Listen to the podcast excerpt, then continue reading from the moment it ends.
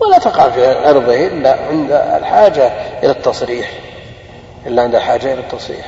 وهكذا مع الإنسان إن احتاط لنفسه.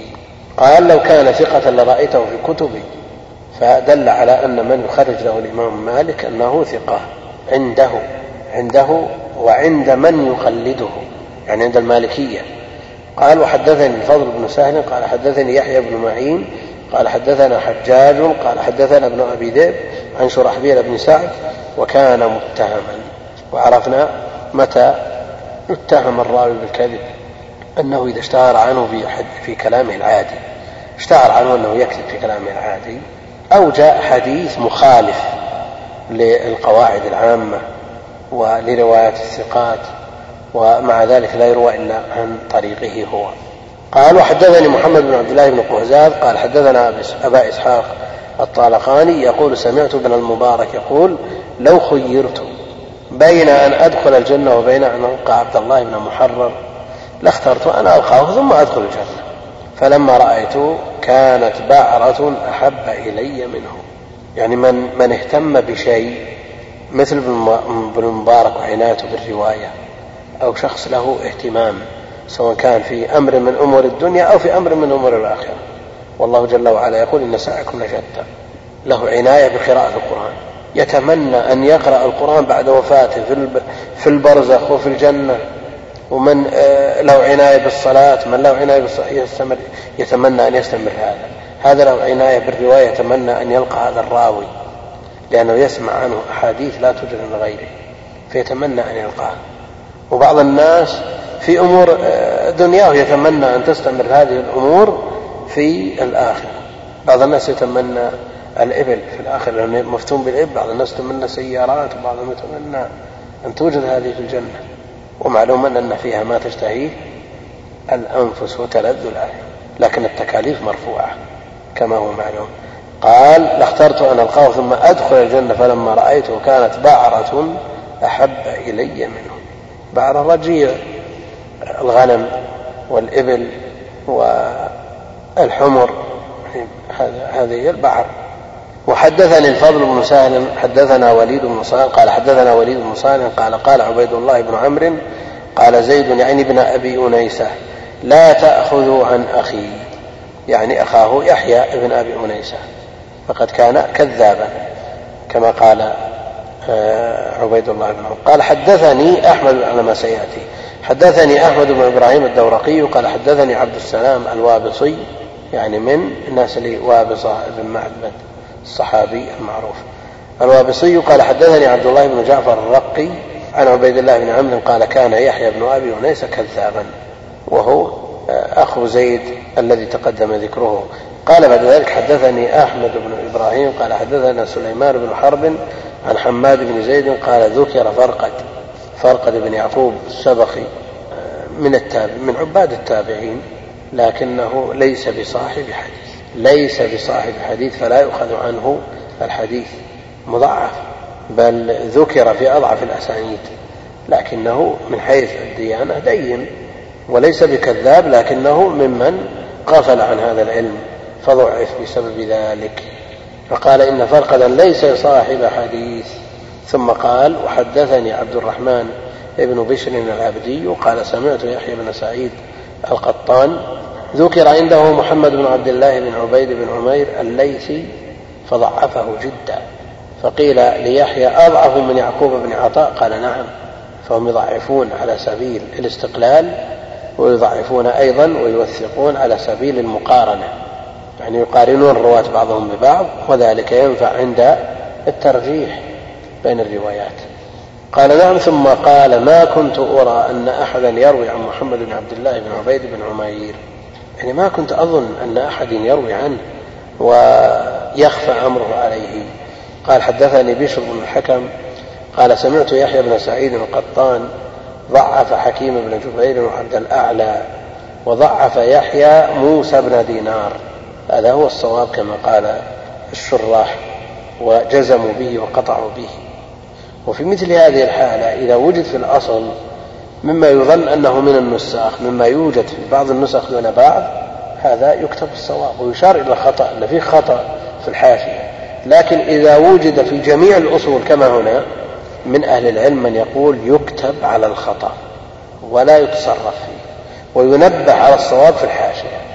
ومنهم من يقول إذا كان الخطأ مقطوعا به يصحح في الصلب ويبين في الحاشية أنه يوجد في الأصول كذا. وضعف يحيى موسى بن دينار قال حديثه ريح. يعني لا شيء. الريح هل تستطيع أن تمسك منها بشيء؟ لا. إنما هي ريح. ما تمسك منها بشيء. ولذا قالوا عن مراسيل الحسن أنها شبه الريح. وأحاديث موسى بن دينار ريح. وضعف موسى بن دهقان وعيسى بن أبي عيسى المدني قال وسمعت الحسن بن عيسى يقول قال لي ابن المبارك إذا قدمت على جرير جرير ابن ابن عبد الحميد ولا من؟ نعم. هو الظاهر إنه ابن عبد الحميد. إذا قدمت على جرير فاكتب علمه كله. كل من يروي عنه من الرواة اكتبه إلا حديث ثلاثة. لا تكتب حديث عبيدة بن معتب والسري بن إسماعيل. ومحمد بن سالم والسري مذكور أيضا في أضعاف الأسانيد. ومحمد بن سالم. السري هكذا ينطق ما بسري ولا لا؟ سري. السري إيش؟ في الأصل تحت كسرية منهم من يقول أن المراد به عيسى والسري هو السيد. أو السري آه، الجدول الصغير من الماء الذي آه، تشرب منه. وعلى كل حال هذا نطقه السري يعني السيد في الأصل وجمعه سرات. لا يصلح الناس فوضى لا سرات له ولا سرات إذا جهالهم سافر. والسري ابن, ابن إسماعيل ومحمد بن سالم قال مسلم لأن المسلم رحمه الله ذكر أمثلة. ومن أراد الاستزادة والإفاضة في ذلك في كتب الرجال مبسوطة لكتاب التاريخ. للإمام البخاري مملوء بالرواة. والجرح والتعديل لابن أبي حاتم مشحون والثقات ابن حبان والمجروحين كامل لابن عدي تفرع عنه والكمال وما تفرع عنه كتب مبسوطة ومختصرة والكلام في الرواة كثير. آه الكلام في الرواة يعني لو أن طالب العلم يعنى بهذا الباب فات كثيرا. لا سيما الرواة المكثرين. من الرواية يستفيد.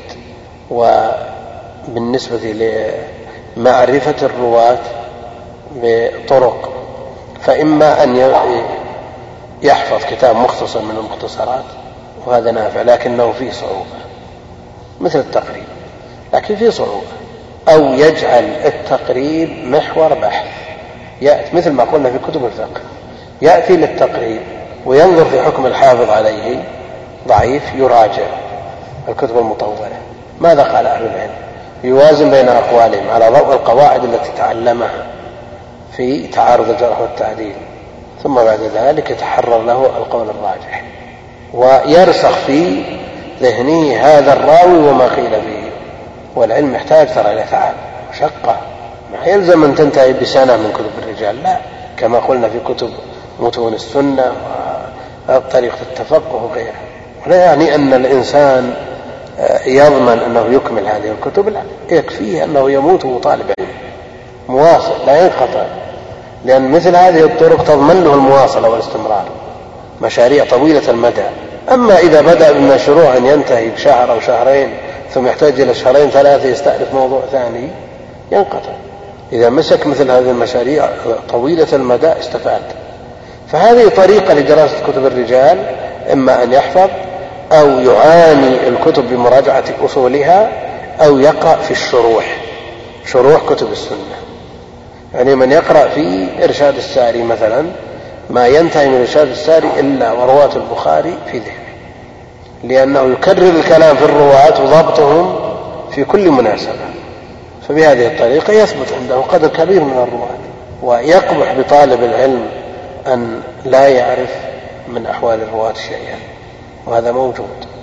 أو يصحف أسماء الرواة وألقابهم. هذا قبيح جدا. وقد سمعت بعض الكبار يقرأ سلمة ابن كهبل. يعني يصلح أن, أن يسمع هذا اللفظ من طالب علم فضلا عن كونه من ممن تقدمت بهم السن في طلب العلم. سلمة بن كهبل ممكن يجي من يسمعه يحرفه كمبل بعد. هذه مشكلة. لابد من العناية بجميع فروع المعرفة مما يتعلق بالعلم الشرعي. قال مسلم وأشباه ما ذكرنا من كلام أهل العلم في متهم رواة الحديث وأخبارهم عن معايبهم كثير يطول الكتاب بذكره لأنه إذا أراد أن يستقصي أراد إذا أراد أن يستقصي يلزمه أن يكتب كل كتب الرجال لا سيما ما لا تكرار فيه. فلو اقتصر على تهذيب الكمال المطبوع في خمسة وثلاثين مجلدا لا شك أن هذا بطول الكتاب. يطول الكتاب جدا. فضلا عن أن يكتب التاريخ الكبير والجرح والتعديل والكامل والكمال وما عنهما. تحتاج إلى كتب متخصصة. وبإمكان طالب العلم وهو يتمرن على حفظ الأسانيد والمتون أن يراجع كتب الرجال وهو يقرأ في صحيح مسلم. يعني مثل الرجال اللي مروا علينا لو أن الإنسان ينشرهم يراجع فيهم كتب الرجال وما قيل فيهم يستفيد فائدة عظيمة. يطول الكتاب بذكره على استقصائه فيما ذكرنا كفاية. يعني أمثلة تكفي. كفاية لمن تفهم وعقل مذهب القوم فيما قالوا من ذلك. وبينوا وإنما ألزموا أنفسهم الكشف عن معايب رواة الحديث وناقل الأخبار وأفتوا بذلك حين سئلوا لما فيه من عظيم الخطر. إذ الأخبار في أمر الدين إنما تأتي بتحليل أو تحريم أو أمر أو نهي أو ترغيب أو ترهيب فإذا كان الراوي ليس لا, لا فإذا كان الراوي لها ليس بمعدن للصدق والأمانة ثم أقدم على الرواية عنه من قد عرفه ولم يبين ما فيه لغيره ممن جهل معرفته ممن جهل معرفته كان آثما بفعله ذلك غاشا لعوام المسلمين. كلام الإمام مسلم في غاية الوضوح في غاية الوضوح لأن هؤلاء يرون أخبار وهذه الأخبار فيها أحكام. إذا لم تبين أحوالهم انتشرت أخبارهم وأخذت عنهم. وعمل بمضمونها وما يستنبط منها فالذي يعرف ولا يبين لا شك أنه غاش للأمة. كان آثما بفعله ذلك غاشا لعوام المسلمين إذ لا يؤمن على بعض من سمع تلك الأخبار أن يستعملها أن يستعملها أو يستعمل بعضها ولعلها أو أكثرها أكاذيب لا أصل لها. مع أن الأخبار الصحاح يعني الإنسان قد يقول ما نجمع هذه الأحاديث؟ ونعمل بها في الترغيب والفضائل أو نبحث عما يقويها. العمر ينقطع عن احتواء واستيعاب ما صح من الأخبار. يعني الإنسان يقتصر على القرآن والصحيح وما صح من السنة يعني العمر قد لا يستوعب هذا. فكيف يضيع العمر بأخبار ضعيفة ورواة؟ هلك عله أن يجد لها ما يرقيها؟ ولعلها واكثرها كريم لا أصل لها مع أن الأخبار الصحاح من رواية الثقات وأهل القناعة يعني الذين يقنع بهم الذين هم مقنع من قبل أئمة الشام وأهل القناعة أكثر من أن يضطر إلى نقل من ليس بثقة ولا مقنع. يعني في القرآن وما صح من السنة وثبت من السنة كفاية. ولا, ولا أحسب كثيرا ممن يعرج من الناس على ما وصفنا من هذه الأحاديث الضعاف والأسانيد المجهولة ويعتد بروايتها بعد من معرفته بما فيها من التوهن والضعف إلا أن الذي يحمله على روايتها والاعتداد بها إلا أن الذي يحمله على روايتها والاعتداد بها إرادة التكثر بذلك عند العوام. ولا أن يقال ولأن يقال ولكي يقال ما أكثر ما جمع فلان. ما أكثر ما جمع فلان. يعني فلان ألف موسوعة في السنة. تبلغ خمسين مجلد ستين مجلد. ويكون مع ذلك حاط بالليل فيها الصحيح والضعيف والموضوع والواهي ولا يبين. هذا ليقال أنه ألف هذه الموسوعة. ولا شك إن كان هذا هدف فإنها حقيقة مرة. ومن يكن ليقول الناس يطلبه أخسر بصفقته في موقف الندم ولأن يقال ما أكثر ما جمع فلان من الحديث وألف من العدد ومن ذهب في العلم هذا المذهب وسلك هذا الطريق فلا نصيب له فيه لأن العلم ما نفع وهذا يضر. إذا كان ليقال فهذا من الثلاثة الذين هم أول من سعر بهم النار. يؤتى بالعالم يقول ها ما فعلت؟ تعلمت وعلمت قال كذبت إنما تعلمت وعلمت ليقال عالم. نسأل الله السلامة والعافية وسلك هذا الطريق فلا نصيب له فيه. وكان بأن يسمى جاهلا أولى من أن ينسب إلى علم. نعم العلم الذي يضر لا شك أن الجهل أفضل منه. والحافظ الذهبي رحمه الله يقول إن العيش خلف أذناب البقر خير من علم كعلم ابن عربي ونحوه. والله أعلم. وصلى الله وسلم على نبينا محمد وعلى آله وصحبه أجمعين. انتظروا يا أخوان. الآن عندنا بقي في صحيح مسلم درسين وبقي في الألفية ثلاثة. بقي في مسلم درسان وفي الألفية ثلاثة. فإن رأيت أن نجعل درسي مسلم في الفجر غدا وبعده لنكمل الكلام على السند المعنعن ويحتاج إلى شيء من البسط. يعني لا يكفي ساعة ويكون استقلالا صحيح. مسلم آه، آه، الفجر. وثلاثة الأيام الباقية اليوم وغدا وبعده لدروس الألفية. إن رأيتم هذا علشان تكون الأمور منضبطة. لأن نأخذ شيء من من الألفية لا يكمل وشيء من مسلم لا يكمل. على سبيل الاستقلال نقسم قسمة مناسبة وواضحة. فالأمر إليكم. وإن أردتم أن نستمر في الدرسين في الفجر اليوم وغدا نأخذ من الألفية نصيب يعني ثلثي الباقي يبقى ثلث. ونأخذ من مسلم درسي المعنعن وإن احتجنا إلى مزيد من الوقت أضفنا يعني زدنا لنا ربع ساعة أو نصف ساعة ولا يبقى عندنا إلا مغرب واحد لنكمل به درس الألفية. فالأمر إليكم والعصر يبقى لابن ماجه. أو تريدون أن يمشي الجدول على ما هو عليه والباقي يشاف لوقت ثاني. أيهما أفضل؟ يعني هل خرج أحد من رواد الألفية قبل ابن مسلم بحيث يخفى عليه هذا الأمر؟ وله حق أن يراعى. نعم. أنا أقول القسمة المناسبة مثلا أن يكون السند معنا غدا وبعده الفجر. ولا ألفية لأنه ما بقي إلا يومين. والألفية بقي ثلاث دروس. بقي ثلاثة دروس. فتكون المغرب اليوم وغدا وبعده. هذه قسمة واضحة ومتميزة بالنسبة لما بقي. درس مسلمين أو نقول نأخذ نصيبنا من الألفية ونأخذ مسلم وينتهي مسلم غدا وبعده ولو مدينا الوقت قليلا. والألفية يبقى لها درس واحد. نشوف لها يعني إما مغرب الخميس أو عصر الجمعة اللي ترون كيف؟ إيه لكن من يضمن أن ما في أحد من رواد الألفية خرج؟ بعد نهاية درسه. ها؟ إيه لهم حق لابد من مراعاته. لا لا هي القسمة ما بدأت اليوم لأن عندنا ثلاث مغارب وثلاثة دروس في الألفية.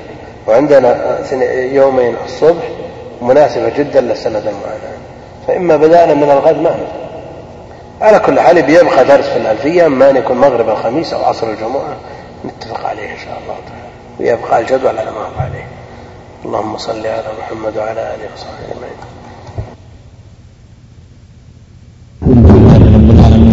الله وسلم على عبده ورسوله نبينا محمد وعلى آله وصحبه أجمعين. قال الإمام مسلم رحمه الله تعالى وقد تكلم بعض من تحرير الحديث من أهل عصرنا في تصحيح الأساليب وتسقيمها بقول لو ضربنا بقول لو ضربنا عن حكايته وذكر فساده صفحا لكان ضربنا يعني هذا في الأصول الصحيحة. ضربنا كذا و الأكثر أكثر الأصول الموثقة العتيقة أضربنا. أضربنا يعني كففنا وأعرضنا عن ذكر هذا القول وحكايته. نعم.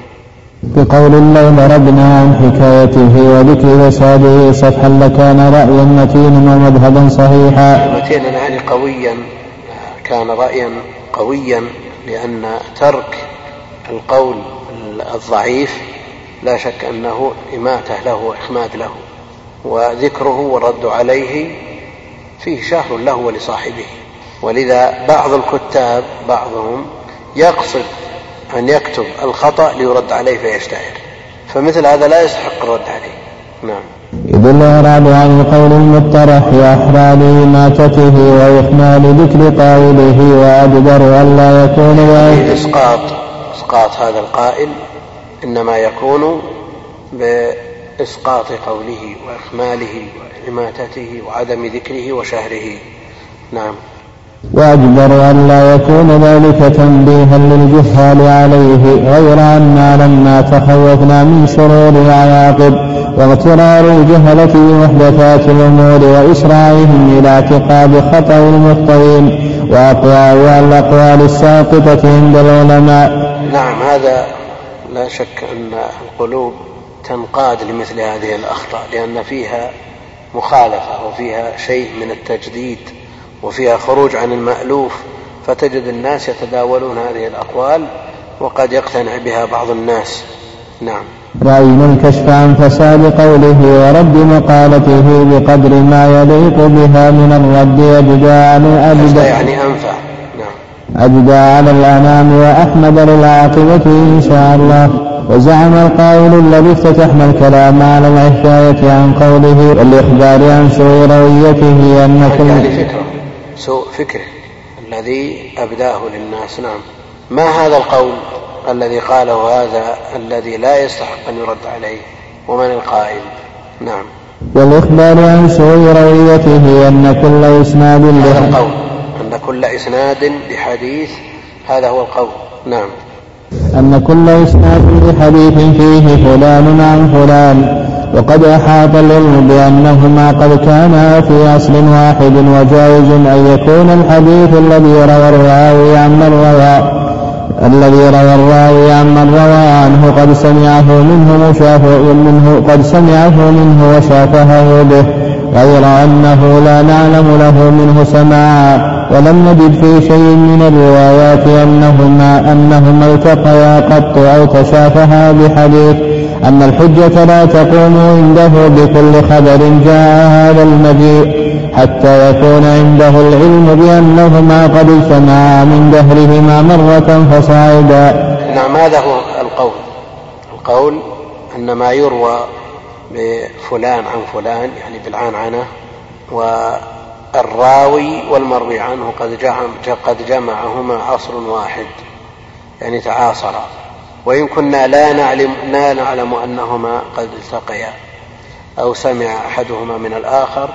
هذا المدعي صاحب المقالة التي يرد عليها الإمام مسلم يقول لا نحمله على الاتصال حتى يثبت لنا أنه لقيه ولو مرة واحدة حتى يثبت أنه لقيه ولو مرة واحدة حتى يكون عنده العلم بأنهما قد اجتمعا من دهرهما مرة فصاعدا.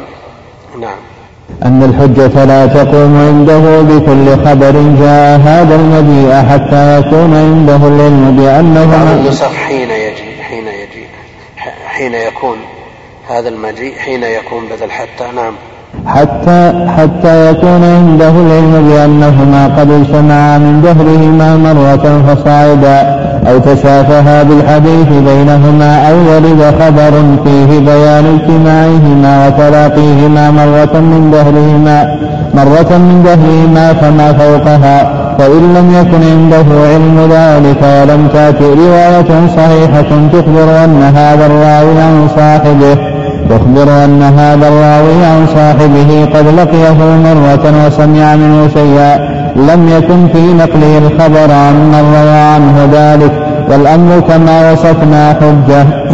وكان الخبر عنده موقوفا حتى يرد عليه سماعه منه حتى يرد عليه سماعه منه لشيء من الحديث قل لا كفر في رواية مثل ما ورد. وهذا القول يرحمك الله بالطعن في الأسانيد قول مخترع مستحدث غير مسبوق صاحبه إليه ولا مساعد له من أهل العلم عليه. وذلك أن القول الشائع المتفق عليه بين أهل العلم بالأخبار والروايات قديما وحديثا. أن كل رجل ثقة روى عن مثله حديثا وجائز ممكن له لقاؤه والسماع منه. بكونهما جميعا كانا في أصل واحد وإن لم يأت في خبر قط أنهما اجتمعا. ولا تشافعا بكلام فالرواية ثابتة والحجة بها لازمة إلا أن يكون هناك دلالة بينة أن هذا الراوي لم من روى عنه أو لم يسمع منه شيئا. فأما والأمر مبهم على الإمكان الذي فسرنا فالرواية على السماع أبدا. والرواية على السماع أبدا حتى تكون الدلالة التي بينا. يعني رأي الإمام مسلم في هذه المسألة واضح وهو أنه إذا تعاصر الراوي ومن روى عنه وأمكن لقاؤهما.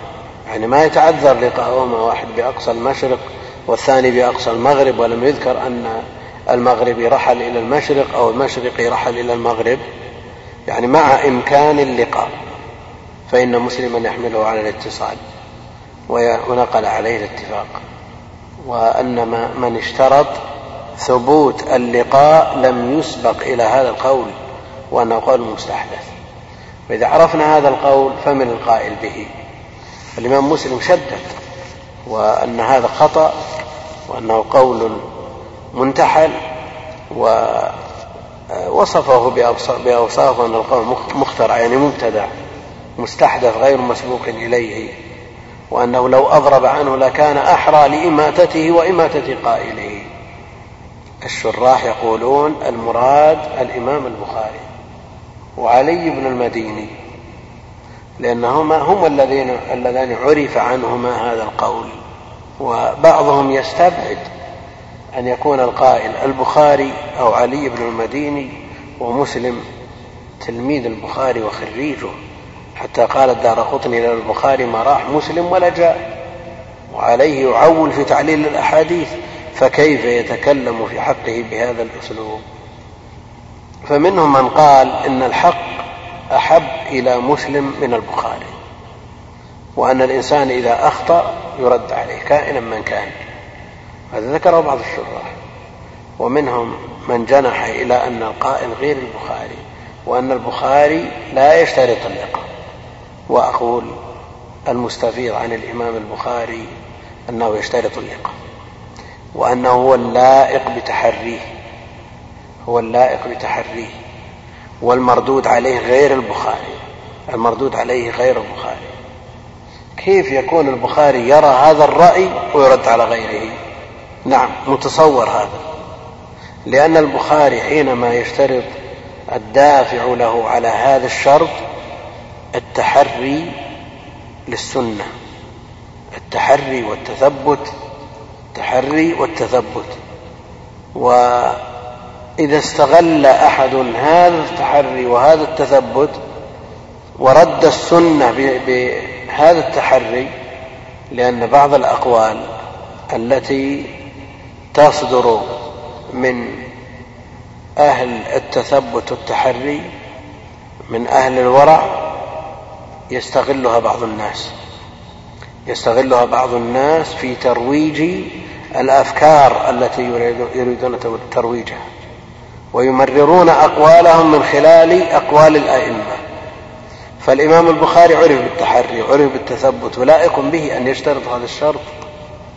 ولنعلم جميعا أن الشرط عند أهل العلم وشروط الأئمة متفاوتة وشرط مسلم أنزل من شرط البخاري وشرط أبي داود أنزل من شرط مسلم. فهل معناه أن الشرط عندهم كالشرط عند اللغويين أو الفقهاء؟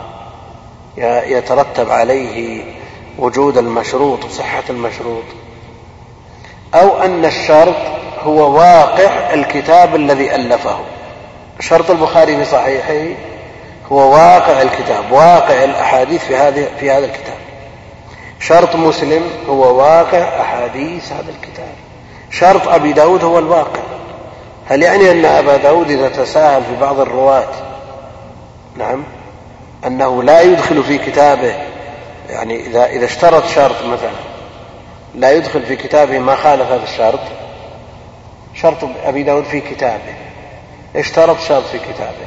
هل معنى هذا أن كتابه خلا عن جميع ما لم ينطبق عليه الشرط؟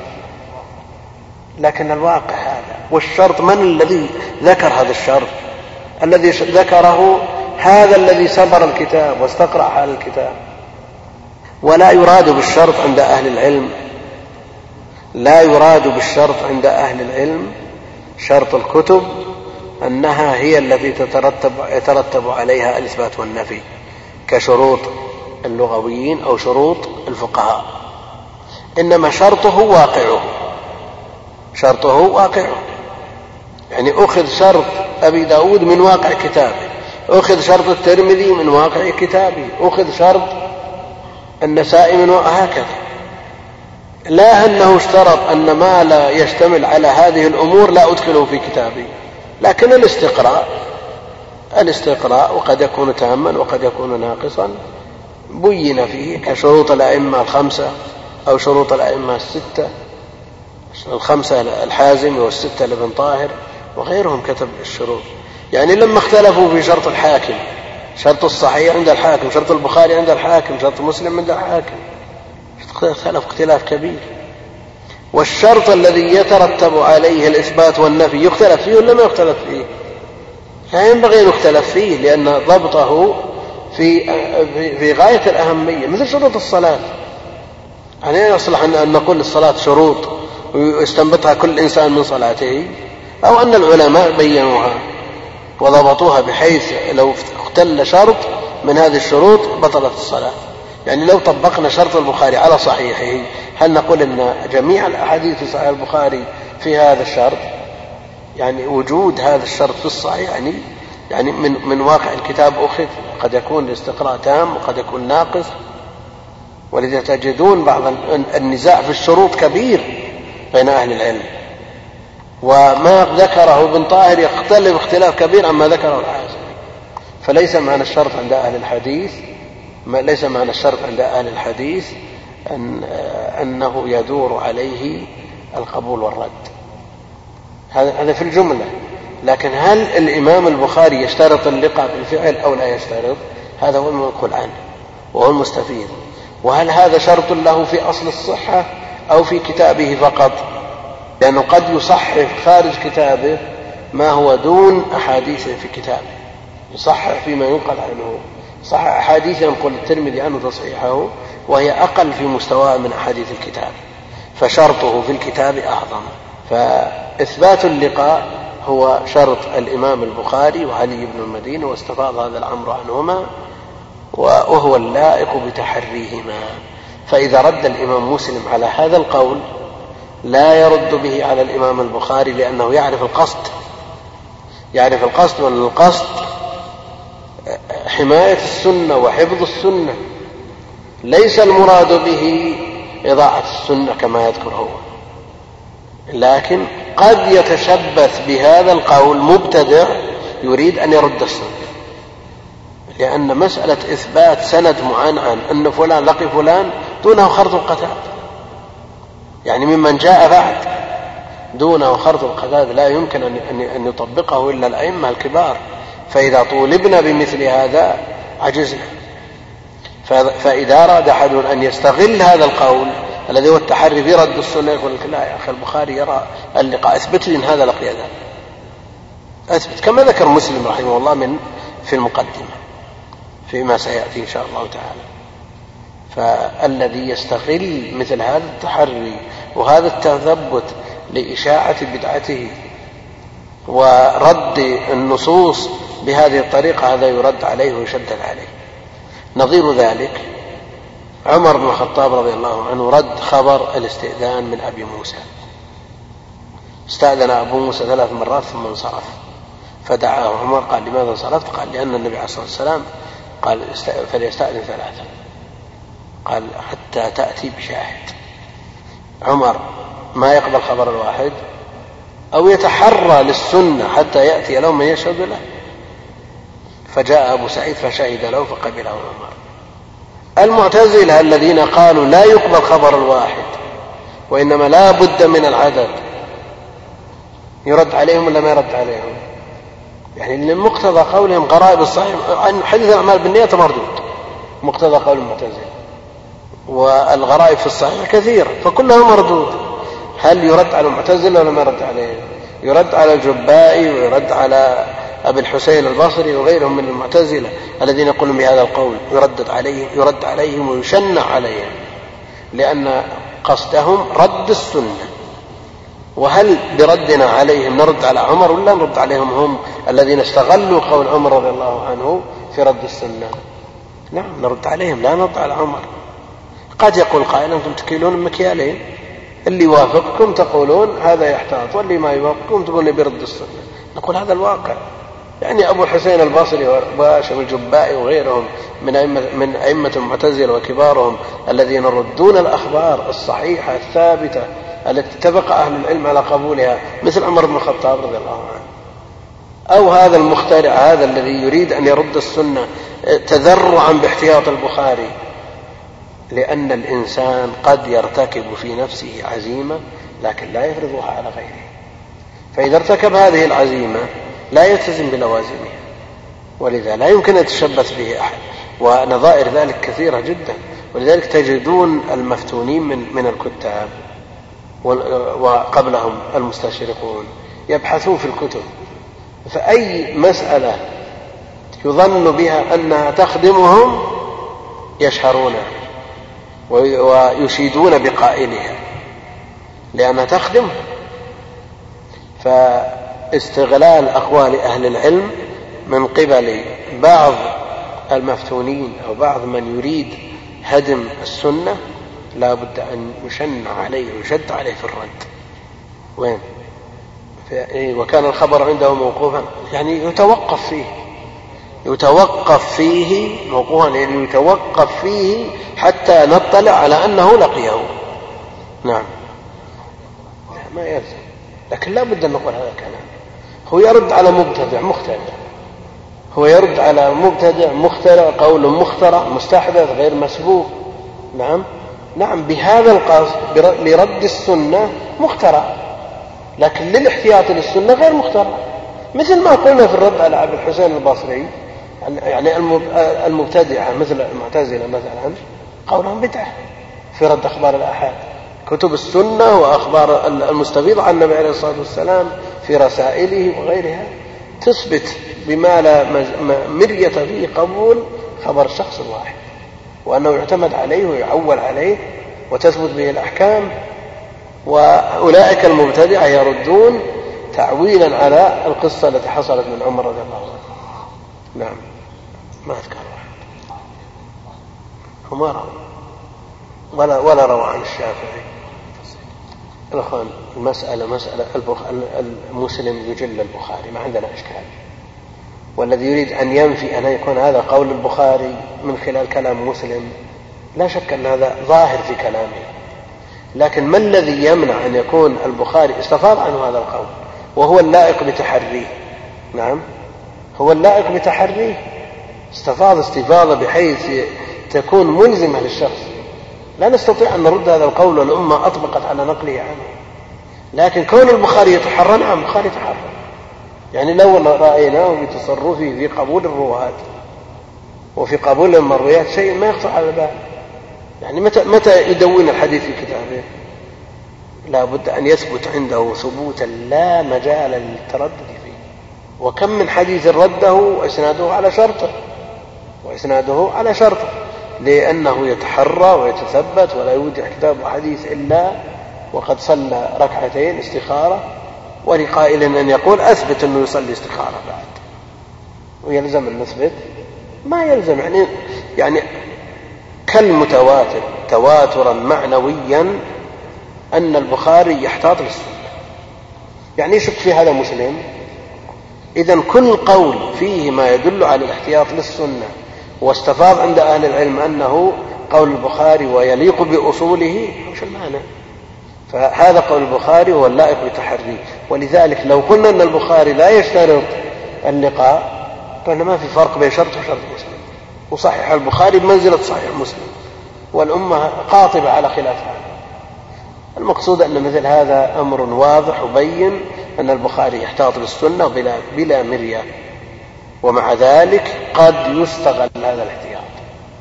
قد يستغل هذا الاحتياط. يعني مثل ما يقال عن شخص يترك كثير من المباحات. قد يستغله من يقول أن فلان يحرم كذا. نعم. ألا يمكن أن يستغل؟ يمكن أن يستغل. هو لا يحرم لكنه يحتاط لنفسه. فيمكن أن يستغل مثل هذا الاحتياط. نعم. فيقال لمخترع هذا القول الذي وصفنا مقالته أو للذاب عنه قد أعطيت في جملة قولك أن خبر الواحد الثقة عن الواحد الثقة حجة يلزم العمل به. ثم أدخلت فيه الشرط بعد فقلت حتى نعلم أنهما قد كانا التقيا مرة فصاعدا أو سمع منه شيئا. فهل تجد هذا الشرط الذي اشترطته عن أحد يلزم قوله يلزم قوله وإلا فهلم دليلا على ما زعمت فإن ادعى قول أحد من علماء السلف بما زعم من إدخال الشريطة في تثبيت الخبر طولب به ولن يجد هو ولا غيره إلى إيجابه سبيلا. ملزم بأن يصدق كل خبر يبلغه. يعني إنسان اتخذ منهج شديد وقوي لقبول الأخبار الأخبار التي دون هذا المستوى لها أناس يقبلونها لكن ما ما يمنع إن أنه إذا احتاط لنفسه أن لا يسرب على غيره.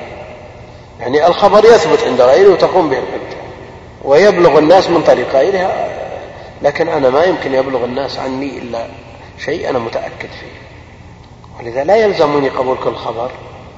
قد أرد بأخبار بعض الثقات. لا أعني أخبار الأحاديث التي أثبتها الأئمة كلا. لكن لو جاءني شخص وقال إن أنا سمعت في إذاعة كذا وهو ثقة عندي. نعم؟ أن أنهم قالوا كذا. هل يلزمني أن أقبل هذا الخبر؟ أو أطلب ثاني لكي أتأكد؟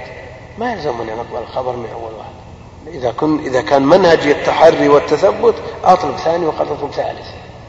لكن إذا كنت أثق بهذا الرجل وأصدق خبره من أول وهلة أتحمل الأيدي قد أصدقه ويكون أخطأ. والتحري هذا إنما يسلكه من حصل له بعض المواقف. يعني جاءه زيد بن الناس وهو ثقة عنده من طلاب العلم الأخيار وقال إن فلان فعل كذا أو أفتى بكذا. ثم صدقه وذهب ليناقش قال والله ما أفتيت ثم مسألة ثانية وثالثة ورابعة وخامسة خلاص. لن أقبل خبر واحد. ولا خبر اثنين بد ثلاثة يشهدون إن فلان أفتى بكذا. لأن ما يلزمه بقبول الخبر. فيكون سلك مسلك الاحتياط لنفسه. ولا يمنع أنه لا يثرب على من يقبل أو مسؤولي كل يتحمل مسؤوليته. نعم. وإن هو ادعى فيما زعم دليلا يحتج به قيل له وما ذاك الدليل؟ فإن قال قلته لأني وجدت رواة الأخبار قديما وحديثا يروي أحدهم عن الآخر يروي أحدهم عن الآخر الحديث ولم يعينه ولا سمع منه شيئا قط. فلما رأيتم استجازوا رواية الحديث بينهم هكذا على الإرسال من غير سماع والمرسل من الروايات في أصل قولنا وقول أهل العلم بالأخبار ليس بحجة احتجيت لما وصفت من احتجت لما وصفت من العلة إلى البحث عن سماع راوي, راوي كل خبر. يعني يقول لما وجد الإرسال من الثقات أنهم يروون عمن لم يسمعوا منه ولم يلقوه بالعنعنة يروون وكثير مستفيض عندهم أنهم يروون عمن لم يلقوه ولم يسمعوا منه. فأنا أشترط وأحتاط أن يكون لقي لئلا يكون هذا المروي من هذا النوع. وهذا النوع من المرويات فيه إسقاط إذا هو مرسل. والمرسل من الروايات في أصل قولنا وقول أهل العلم بالأخبار ليس بحجة. ومسلم يوافق على هذا. صاحب التمهيد عنهم نقل ومسلم صدر الكتاب أصله يعني قبل هذا القول. فكيف يجيب مسلم على مثل هذا؟ رحمه الله تعالى. نعم يقول إن من يفعل مثل هذا الفعل يوصف بالتدليس. والمسألة مفترضة في شخص ما عرف بتدليس. يعني ما حجة من يقول باشتراط اللقاء أننا وجدنا خلائق ممن يروي عمن لم يلقه. ما لم يسمعه منه والمعاصرة موجودة وهذا لا شك أن فيه واسطة وإسقاط الواسطة إرسال. إسقاط الواسطة إرسال نعم إرسال لكنه خفي. والمرسل ليس بحجة. المرسل الخفي سواء كان المرسل سواء كان خفي أو ظاهر ليس بحجة. في أصل قولنا وقول أهل العلم من الأخبار.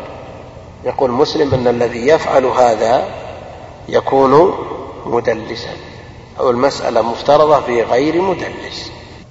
مسألة مفترضة في غير مدلس. نعم. والمرسل من الروايات في أصل قولنا وقول أهل العلم بالأخبار ليس بحجة. احتجت لما وصفت من العلة إلى البحث عن سماع راوي راوي كل خبر أو راويه فإذا أنا هجمت على سماعه منه لأدنى شيء ثبت عندي بذلك. جميع ما يروي جميع ما يروي عنه بعد فإن عزب عني معرفة ذلك وقفت الخبر. ذهب وبعد وإن عزب عني معرفة ذلك أوقفت الخبر ولم يكن عندي موضع حجة لإمكان الإرسال فيه. الجواب من من الإمام مسلم نعم. فيقال له فإن كانت العلة في تضعيفك الخبر وتركك الاحتجاج به إن كان الإرسال فيه لزمك ألا تثبت إسنادا معنعنا حتى ترى فيه السماع. لزمك ألا تثبت إسنادا معنانا حتى ترى فيه السماع من أوله إلى آخره. وذلك أن الحديث الوارد علينا بإسناد هشام بن عروة عن أبيه عن عائشة رضي الله عنها فبيقين نعلم أن هشاما قد سمع من أبيه وأن أباه قد سمع من عائشة كما نعلم أن عائشة قد سمعت من النبي صلى الله عليه وسلم. وقد يجوز إذا لم, إذا لم يقل هشام في رواية يرويها عن أبيه. سمعت أو أخبرني أن يكون بينه وبين أبيه في تلك الرواية إنسان آخر. إنسان آخر أخبره بها عن أبيه ولم يسمعها هو من أبيه لما أحب أن يرويها مرسلا. يجوز يجوز لما مرسلا. يجوز لما لما أحب أن يرويها مرسلا. وفي الأصول لما أحب أن يرويها مرسلا. نعم. لما أحب أن يرويها مرسلا أن يرويها مسلم مرسلا ولا يسندها إلى من سمعها منه وكما يمكن ذلك في هشام عن أبيه فهو أيضا ممكن في أبيه عن عائشة وكذلك كل إسناد لحديث ليس فيه ذكر سماع بعضهم من بعض. وإذا كان قد عرف وإن كان قد عرف في الجملة أن كل واحد منهم قد سمع من صاحبه سماعا كثيرا وجائز لكل واحد منهم أن ينزل في بعض الرواية فيسمع من غيره عنه بعض أحاديثه. ثم يرسله عنه أحيانا ولا يسمي من سمع منه وينشط أحيانا فيسمي الرجل الذي حمل عنه الحديث ويترك الإرسال. وما قلنا من هنا وما قلنا من هذا موجود في الحديث مستفيض من فعل ثقات المحدثين. ما دام هذا الأمر موجودا فإذا لم يثبت اللقاء يقوى الظن بأنه لم يسمع. يعني مش معنى قوة الظن يكون راجح. ما يلزم أن يكون راجح. وإذا ثبت لقاؤه له يقوى الظن بأنه سمعه منه. فلا يعني أنه إذا لم يثبت اللقاء أنه يستحيل أن يكون سمعه منه لأن المسألة مسألة ثبوت وعدم. من حيث النقل لا من حيث الواقع. قد لا نجد ما يثبت أنه لقيه وقد يكون في الواقع أنه قد لقيه لكن ما نقل لنا أنه لقيه فإذا اشترطنا ثبوت اللقاء ولو مرة واحدة لا شك أن الظن أقوى مما لو لم نشترط اللقاء. يعني إذا لم نشترط اللقاء على رأي مسلم وجاءنا راوي ثقة لم يوصل بتدريس وقال هشام بن عروة عن أبيه عندنا ثمانين بالمئة مثلا دعونا من هشام لأنه لقي. رأوي ما ندري هو لقي ولا ما لقي. روى عن ولو غير مدلس. روى عن آخر بصيغة عن. ولا نعلم أنه لقي. الآن عندنا باعتبار ثقته وبراءته من التدليس سبعين بالمئة أنه رواه عنه بلا واسطة. أو ثمانين بالمئة أنه رواه عنه بلا واسطة. لكن الاحتمال الثاني قوي لأن ما عندنا ما يثبت أنه لقيه. لكن إذا ثبت عندنا أنه لقيه قوي الظن. يعني بدل من ما هو بثمانين تسعين بالمئة أنه سمعه تسعين بالمئة أنه سمعه منه. ولو لم يكن ثبوت السماع منه لهذا الحديث بعينه لكن قوة الظن أكثر من قوة الظن الغالب في مسألة آه، عدم اشتراط أو عدم ثبوت اللقاء مع إمكانه.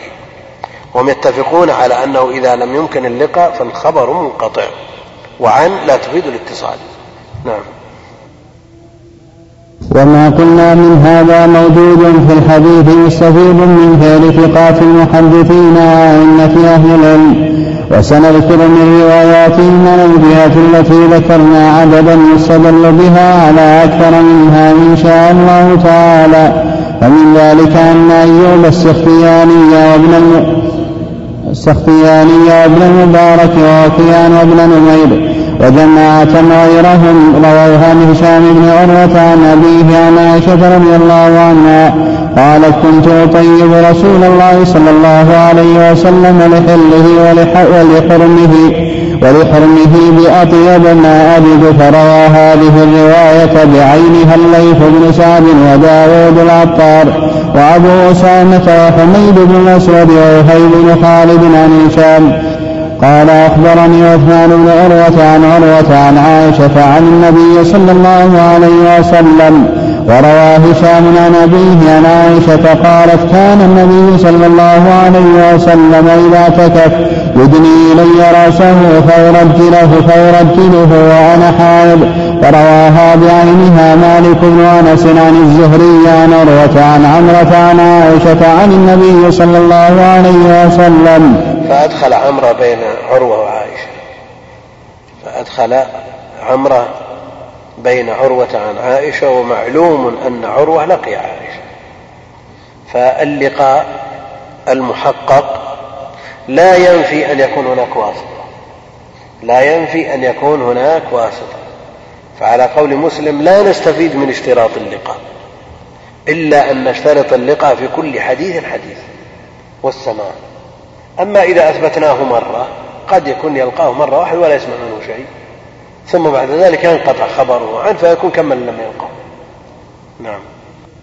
قال وروى الزهري وصالح بن أبي حسان عن أبي سلمة عن عائشة رضي الله عنها كان النبي صلى الله عليه وسلم يقبل وهو صائم فقال يحيى بن أبي كثير في هذا الخبر في القبلة أخبرني أبو سلمة بن عبد الرحمن أن عمر بن عبد العزيز أخبره أن عروة أخبره أن عائشة رضي الله عنها أخبرت أن النبي صلى الله عليه وسلم كان يقبلها وهو صائم. وهؤلاء أربعة من التابعين يروي بعضهم عن بعض فيحيى بن أبي كثير صحاب آه تابعي صغير وأبو سلمة تابعي كبير. يروي عن عمر بن عبد العزيز وهو تابعي صغير ففي رواية الأكابر عن الأصاغر أخبره أن عروة يعني لو أن أبا سلمة أسقط عمر بن عبد العزيز والمعاصرة موجودة من يعرف المسقط؟ إلا أن نشترط اللقاء في كل حديث حديث. نعم. وروى ابن عيينة وغيره عن عمرو بن دينار عن جابر قال أطعمنا رسول الله صلى الله عليه وسلم لحوم الخيل ونهانا عن لحوم حمر الأهلية. كالأهلية؟ عن لحوم الحمر فقط ما في أهلية. نعم. فرواه حماد بن زيد عن عبدنا محمد بن علي عن جابر عن النبي صلى الله عليه وسلم وهذا النحو في الروايات كثير يكثر تعداده وفيما له الخلاصة في المسألة أن مسلم رحمه الله تعالى يكتفي في السند المعنعن بالمعاصرة ويرد على من يشترط اللقاء ولا شك أن العمل على كلام مسلم. لأن اشتراط اللقاء بين الرواة كلهم حقيقة من خلال كتب الرجال وما وصل إلينا وبوسائل بحثنا دونه خرط القتاد يعني لو أردت أن تثبت لقاء كل راوي من الرواة الذين تدرسهم في الأسانيد لمن روى عنه ما استطعت. ويترتب على ذلك التوقف في الأحاديث كثير في التوقف في كثير من الأحاديث. توقف في كثير من الأحاديث. لما في كتب الرجال يقتصرون على أن يترجمون للراوي يقول روى عن فلان وفلان وفلان وفلان وفلان وعنه فلان وفلان وفلان. إثبات اللقاء أو السماع نفي السماع موجود. في أحيانا يذكر فلان لم يسمع من فلان. لكن إثباته ما يفي بعدد الرواة. وعلى هذا يلزمنا أن نتوقف في كثير من الأحاديث ولذا من حيث العمل رأي مسلم صحيح ما في إشكال. رأي مسلم ما في إشكال صحيح. لكن من أراد أن يحتاط ويشترط شرط أكثر من ذلك؟ ولا يمنع من تصحيح غيره ولا يمنع من العمل بما صححه غيره. هل يسرب عليه ولا يسرب عليه؟ المهم أنه من طريقه هو ما يفلت شيء. ومن طريق غيره تقوم الحجة بتبليغ غيره. لا يعني أن القول باشتراط اللقاء أنه إذا نسب للإمام البخاري أو استفاض عن الإمام البخاري أن البخاري يحصر ويحكر الصحة على شرطه فقط. إنما يحتاط للسنة نعم. فإذا كانت العلة من عند من وصفنا قوله من قبل في فساد الحديث وتوهينه إذا لم يعلم إذا لم يعلم أن الراوي قد سمع ممن روى عنه شيئا إن كان الإرسال فيه لزمه ترك الاحتجاج في قياد قوله برواية من يعلم. مقتضى قوله ترك الاحتجاج برواية من يعلم أنه قد سمع ممن روى عنه بعض الأحاديث وتبقى بقية الأحاديث على الله أعلم من سمع ولم يسمع فلا نثبت روايته إلا لما ثبت أنه سمع. فلا هذا لا بد أن يصرح بالسماع في كل طبق يصرح بالسماع في كل طبقات السند. نعم.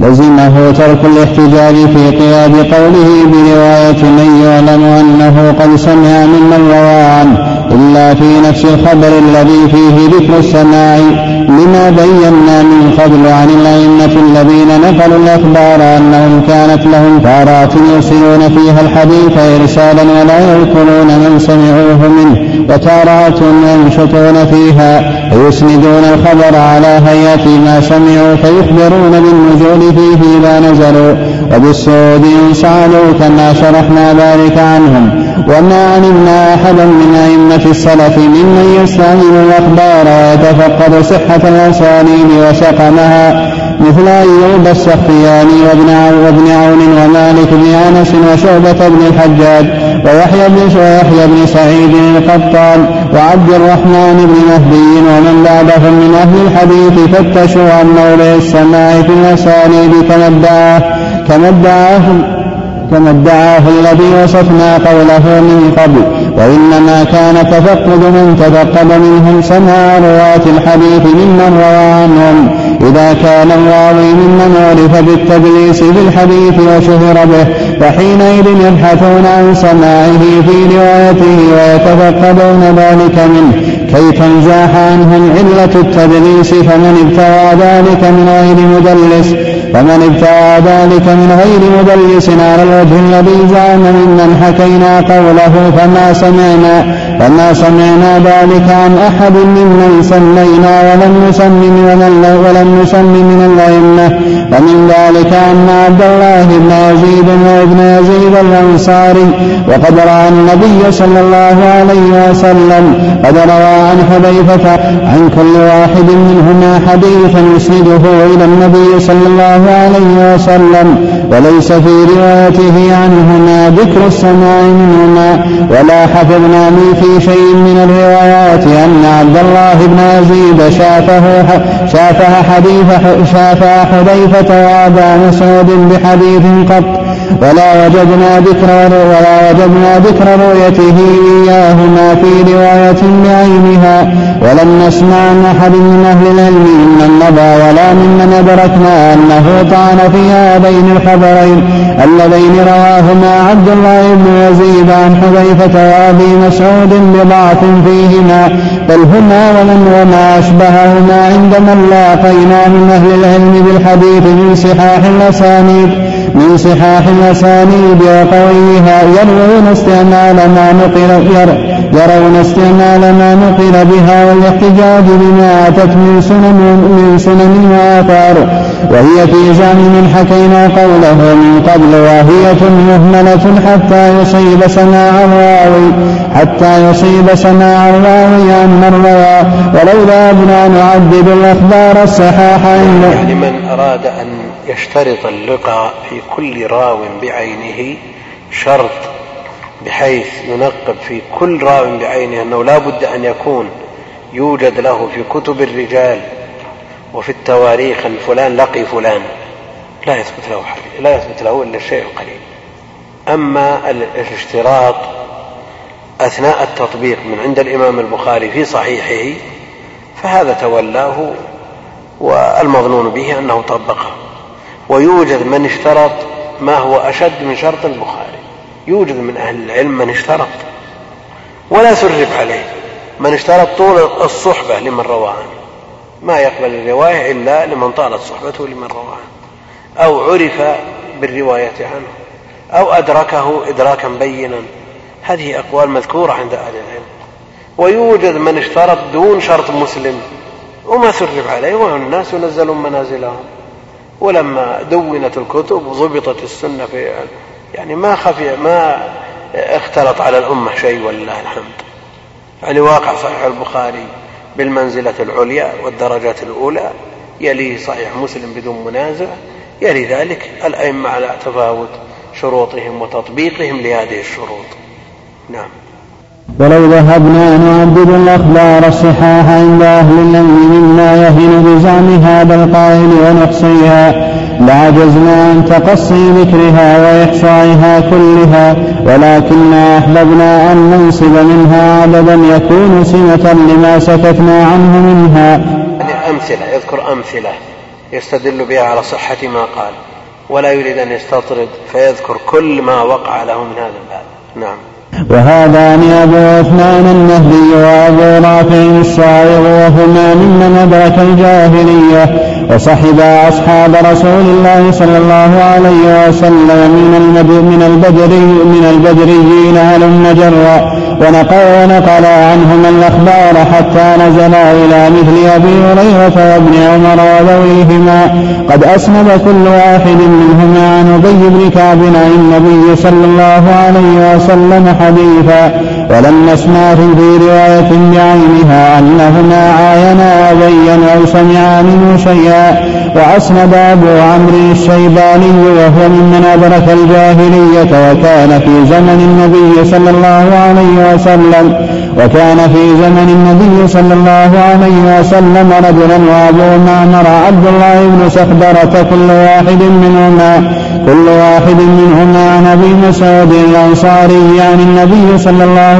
عليه وسلم خبرين وأسند عبيد بن عمير عن أم سلمة زوج النبي صلى الله عليه وسلم عن النبي صلى الله عليه وسلم حديثا وعبيد بن عمير ولد في زمن النبي صلى الله عليه وسلم. وأسند قيس بن أبي حازم وقد أدرك زمن النبي صلى الله عليه وسلم عن أبي مسعود الأنصاري عن النبي صلى الله عليه وسلم ثلاثة أخبار وأسند عبد الرحمن بن أبي ليلى وقد حفظ عن عمر بن الخطاب رضي الله عنه وصحب عليا عن أنس بن مالك عن النبي صلى الله عليه وسلم. يعني أسند عن أنس يعني أسند عن أنس. وقد حفظ عن عمر وصحب عليه اعتراض نعم. وأسند ربيع بن حراش عن عمران بن عمران بن حسين عن النبي صلى الله عليه وسلم حديثين وعن أبي بكرة عن النبي صلى الله عليه وسلم حديثا. وقد سمع ربعي من علي بن أبي طالب وروى عنه وأسند نافع بن جبير بن مطعم عن أبي شريح الخزاعي عن النبي صلى الله عليه وسلم حديثا. وأسند النعمان بن أبي عياش عن أبي سعيد الخدري ثلاثة أحاديث عن النبي صلى الله عليه وسلم وأسند عطاء بن يزيد الليثي عن تميم الداري عن النبي صلى الله عليه وسلم حديثا وأسند سليمان بن يسار عن رافع بن خديج عن النبي صلى الله عليه وسلم حديثا وأسند حميد بن عبد الرحمن الحميري عن أبي هريرة عن النبي صلى الله عليه وسلم أحاديث وكل هؤلاء التابعين الذين نصبنا روايتهم عن الصحابة الذين سمينا لم يحفظ عنهم سماع علمناه منهم في رواية بعينها ولا أنهم لقوهم في نفس خبر بعينه وهي أسانيد عند ذوي المعرفة. وهي أسانيد عند ذوي المعرفة بالأخبار والروايات من صحاح الأسانيد. لا نعلمهم وهنوا منها شيئا قط ولو التمسوا فيها سماع بعضهم من بعض.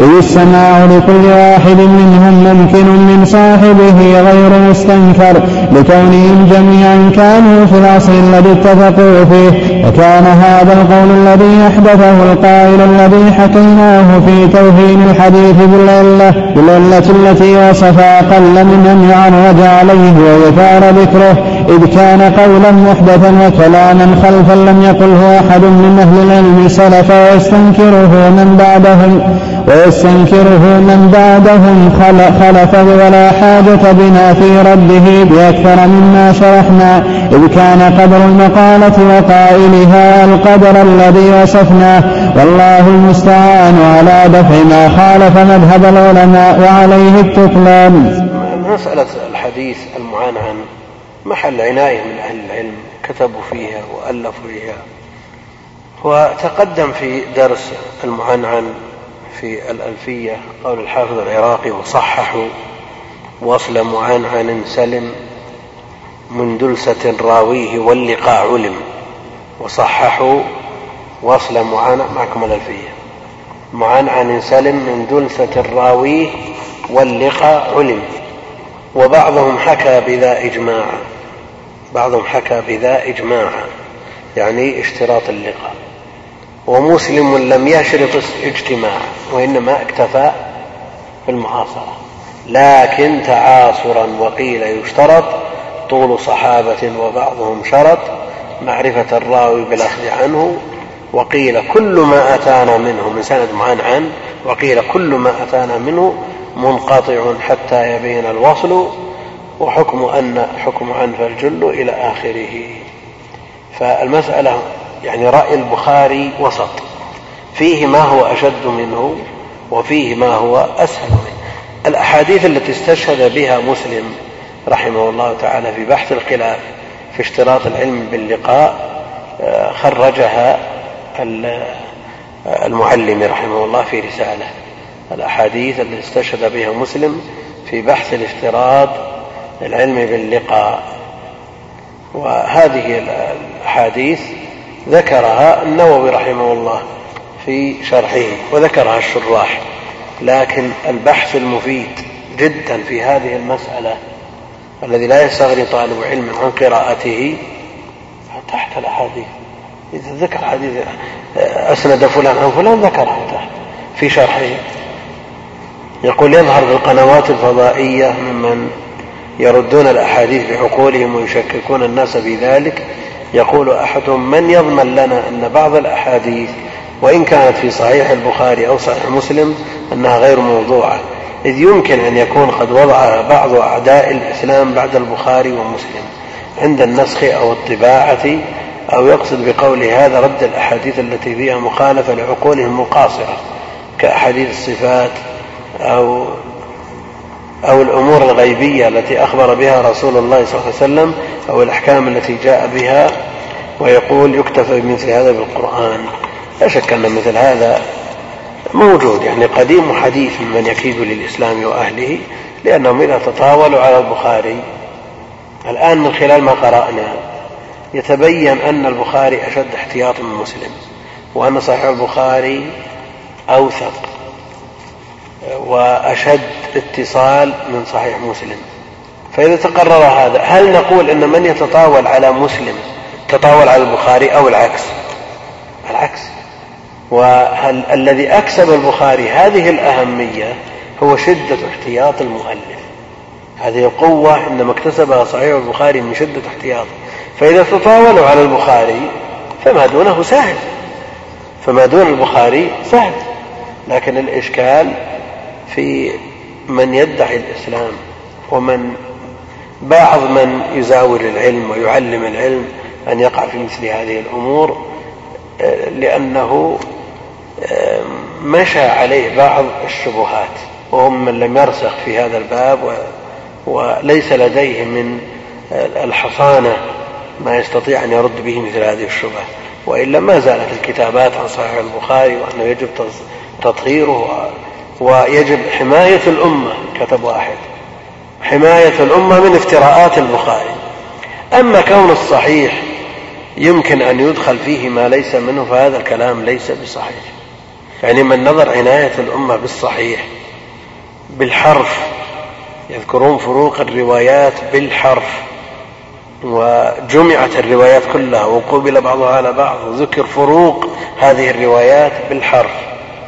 لا أقول بالكلمة فقط بل بالحرف. واليونيني رحمه الله تعالى أتقن الكتاب وضبطه وجمع جميع ما أمكنه من الروايات وخرج برواية متقنة.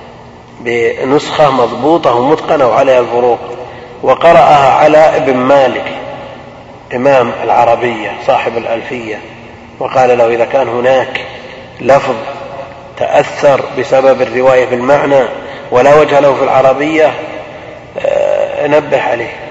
وابن مالك ألف كتاب اسمه شواهد التوضيح على الجامع الصحيح وخرج جميع الألفاظ التي ظن أنها مخالفة لقواعد العربية. فلا شك أن الدين محفوظ ومن حفظ الدين أن يحفظ البخاري ومسلم أن يحفظ البخاري ومسلم. فلا يزاد فيهما وكذلك جميع دواوين الإسلام التي الأمة بأمس الحاجة إليها من المصنفات المهمة في هذا الباب كتاب اسمه السنن الأبين. السنن الأبين. والمورد الأمعن في المحاكمة بين الإمامين في السند المعنعن. في المحاكمة بين الإمامين في السند المعنعن. ونقرأ منه شيئا.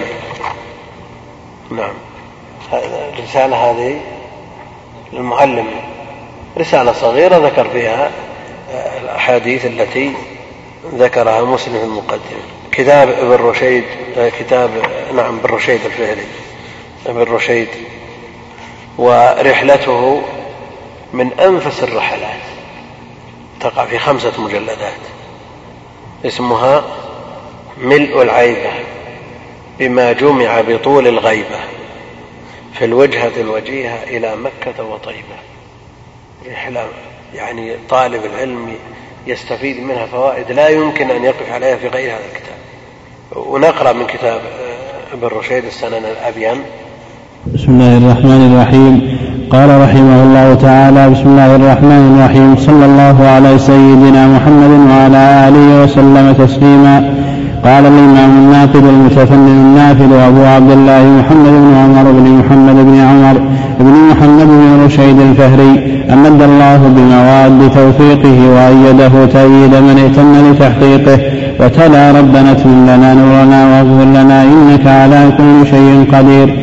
الحمد لله الذي أنعم علينا بالفضل الفياض الرحم وهدانا للمنهج الواضح الأمم واختصنا بأثارة من علم لم تكن لغيرنا من الأمم ورفع ذكرنا بعد أن قرن بعد أن قرن باسم رسوله محمد المصطفى أسماءنا إكراما لنا وإكمالا للنعم كما رفع ذكره بأن قرن سبحانه اسمه الأعز الأسماء باسمه الأشرف الأسماء فلا يذكر في عنوان الإيمان وشعار الإسلام إلا ما هو إعلاما لمن سمعه بقدر.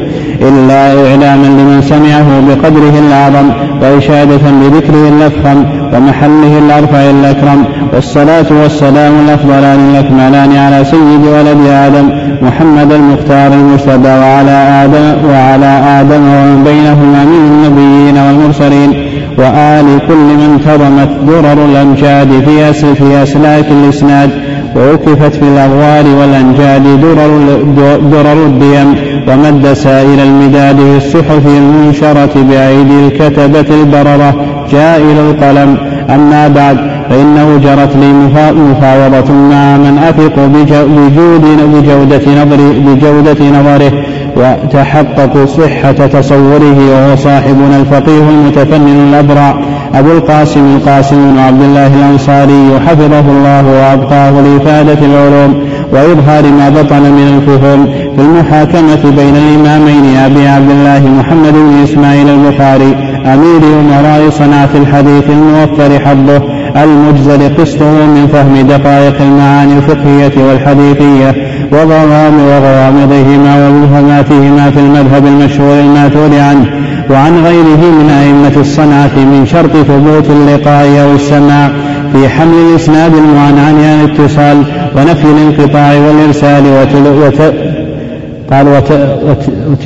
وتلوه تلميذه أبي الحسين مسلم الحجاج النيسابوري خليفته في هذه الصناعة والحامل فيها بعده لواء, لواء البراعة رحمهما الله وجزاهما عن نصحهما للإسلام خير الجزاء وقسم لهما من مدخول الأجر أوفر الأجزاء وما تولاه أبو الحسين في مقدمة مسنده الصحيح من رد هذا المذهب والمبالغة في إنكاره وتجهيل قائله وأنه قول محدث لم يقله أحد من أهل العلم سلف ويستنكره من بعدهم خلف. فذهب صاحبنا حفظه الله إلى أن الذي لا إشكال في انتهاء الأدلة على قبوله من مسند الحديث ما علم اتصاله تنصيصا بسمعت أو حدثنا أو أخبرنا أو قال لنا وما في معناه مما هو صريح في الاتصال. وأنه أعلى رتب النقل ويلتحق بحكمه ويجري مجراه معنعن من علم من مذهبه أنه لا, لا يقول عنه. إلا فيما سمع. فأما الإسناد المعنعن الذي لم يعلم ذلك فيه من قائله وليس مدلسا فإنه لا تسع المسامحة في أن يشترط فيه أقل من صحة أقل من صحة سماع الراوي الثقة من المروي عنه الثقة. بالجملة مع السلامة من وصمة التدليس فإن مقتضى النظر كان التوقف في هذا في هذا المعنعن حتى تعلم صحة سماعه في كل حديث. في كل حديث حديث لما علم من أئمة الصناعة نقلا من أنهم كانوا يكسلون أحيانا فيرسلون وينشطون تارات فيسندون لكن لما تعدد تعذر ذلك وشق تعرفه مشقة لا ولا خفاء بها. اقتنع بما ذكرناه من معرفة السماع في الجملة مع السلامة من وصمة التدليس معتبرا ذلك بقرينة شهادة بعضهم على بعض بقولهم فلان عن فلان. المفهمة قصد الاتصال وإن هذا المذهب أظهر وأرجح من مذهب من اقتنع بصحة المعاصرة فقط كما اقتنع به مسلم رحمه الله في مقدمة كتابه واختار واعتقد صحته وبالغ في الإنكار على من خالفه فوافقت صاحبنا حفظه الله على ما ذهب إليه من أنه أرجح المذهبين. يعني رأي البخاري وأرجح المذهبين يعني رأي البخاري. صاحبه يحاوره ويرجح رأي البخاري وهو متردد بالرشيد متردد. ثم اقتنع بعد ذلك. نعم. سمعي. فوافقت صاحبنا حفظه الله على ما ذهب إليه من أنه أرجح المذهبين وأوضح المأخذين حسب ما ظهر ببادئ النظر وبقي في الخاطر تردد ما تردد ما إرجاء لإنهاء لا إشكال في كون رأي البخاري أحوط. لا إشكال. وأن رأي الإمام مسلم صحيح. وننفصل من الإشكال كله. يعني إذا وجدنا حديث مروي بسند فيه الرواية بعن وبحثنا في كتب الرجال في هؤلاء الرواة ولم نجدهم وصفوا بالتدليس وبحثنا في كتب طبقات المدلسين فما وصفوا بالتدليس؟ نحكم بالاتصال مع أن مع ثبوت المعاصرة. ويبقى أنه إذا ثبت لنا اللقاء عضضنا عليه بالنواجذ لأنه أحوط.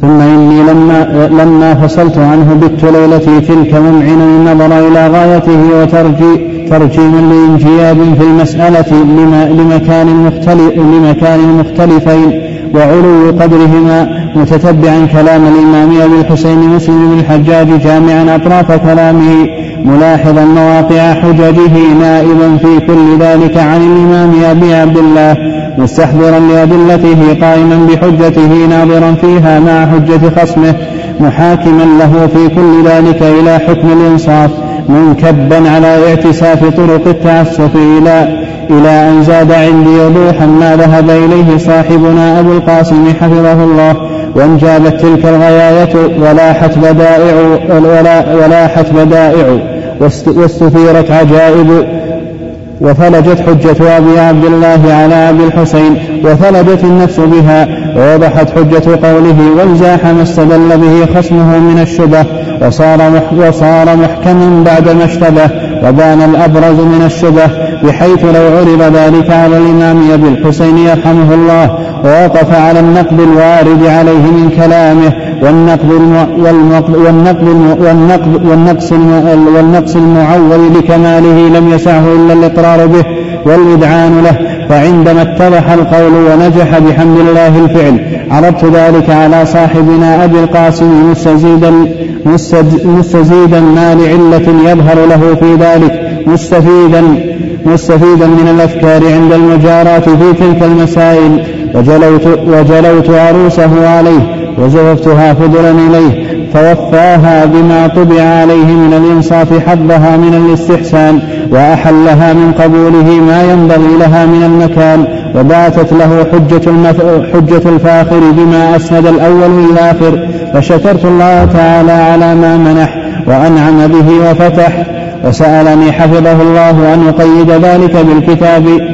خفية الدروس والدثور على مر العصور والدهور ورغبة في جزيل الأجر وجميل الذكر. وأشار إلي أنها ذخيرة نفيسة يجب أن تقتنى وثمرة طيبة دانية القطاف يحق أن تجفنى استخرت الله تعالى ولبيت سؤاله مستعينا بالله تعالى مسترشدا قاصدا صوب الصواب عائجا عن منهج التعصب ووسمته بكتاب السنن الأبين والمورد الأمعن في المحاكمة بين الإمامين في السند المعنعن. والله تعالى والله تعالى ينفع بالنية في مبدأ هذا العمل في مبدأ هذا العمل ومختتمه فإنما الأعمال بالنيات كما قرأت على أبي المجاهد غازي بن أبي الفضل بن, أبي بن عبد الوهاب الحلاوي قال أنبانا الشيخ المعمر وأبو حفص عمر بن محمد بن معمر سماعا عليه قال أنبانا أبو القاسم هبة الله بن محمد بن عبد الواحد بن الحسين الشيباني قراءة عليه وأنا أسمع. قال أنبأنا أبو طالب محمد بن محمد بن إبراهيم بن غيلان. قال أنبأنا أبو بكر محمد بن عبد الله بن إبراهيم الشافعي. قال أنبأنا عبد الله بن لوح المدائني ومحمد بن ربح البزار. قال أنبأنا يزيد بن هارون. قال أنبأنا يحيى بن سعيد الأنصاري عن محمد بن إبراهيم التيمي. قلت يعني سماعا. أنه سمع علقمة بن وقاص يقول سمعت عمر بن الخطاب رضي الله عنه على المنبر يقول سمعت رسول الله صلى الله عليه وسلم يقول إنما الأعمال بالنية وإنما لامرئ ما نوى فمن كانت هجرته إلى الله ورسوله فهجرته إلى الله ورسوله ومن كانت هجرته إلى دنيا يصيبها أو امرأة يتزوجها فهجرته إلى ما هاجر إليه. قال الإمام أبو عبد الله الشافعي يدخل في حديث الأعمال بالنيات ثلث العلم وروي عنه أنه المؤلف افتتح كتابه بهذا الحديث لأن من أهل العلم من استحب أن يفتتح كل كتاب بل بعضهم قال كل باب ينبغي أن يفتتح بهذا الحديث ليستحضر النية في كل في جميع أعماله. هذا مقدمة لا باقي عليه باقي عليه صفحات نروح للباب الأول. يقول اعلم أن السند المعان عنه وهو ما يقال فلان عن فلان مثل قولنا مالك عن ابن شهاب عن أنس بن مالك. لا نقف على هذا ولعلنا في الدرس القادم نأتي بخلاصة إن شاء الله تعالى. وألف من قبل بعض المعاصرين آه، ما ينتصر به للإمام مسلم وأن ما نسب إلى البخاري لا يثبت عنه. وأن العلماء أجمعوا على قبول السند المعنعن ولم يشترطوا اللقاء في كتاب مطبوع متداول الدكتور الشريف حاتم العوني ونرجو أن يكون فيه نفع وفائدة لكن وإن لم نتفق معه في كل ما قال.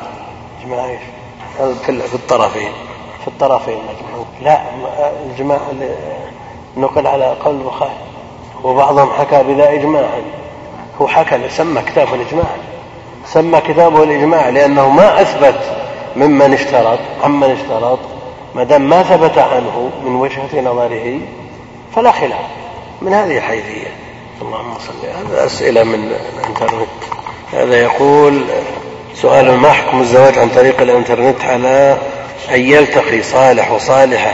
ويتفقون على الزواج عن طريق البالتوك أو ساحات الحوار ثم يخبرون أهليهم ما حكم هذه العلاقة قبل الزواج من اتفاق وحديث دون علم أهليهم. مبارك هذا مثل هذا لا يجوز.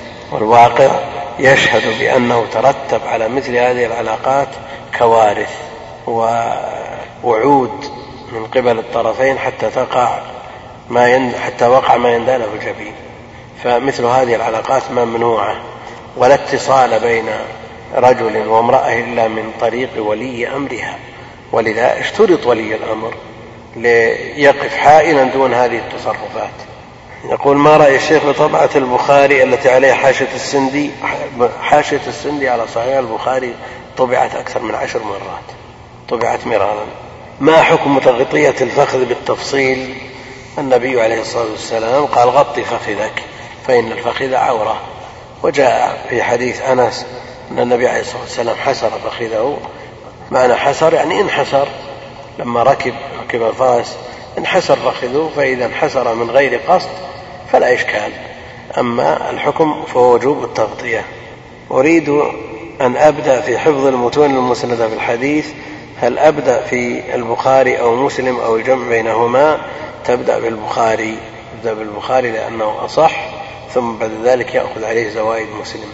وإذا عمل بالطريقة التي شرحناها يكون قد جمع الكتب الستة في آن واحد. اللهم صل على محمد وعلى آله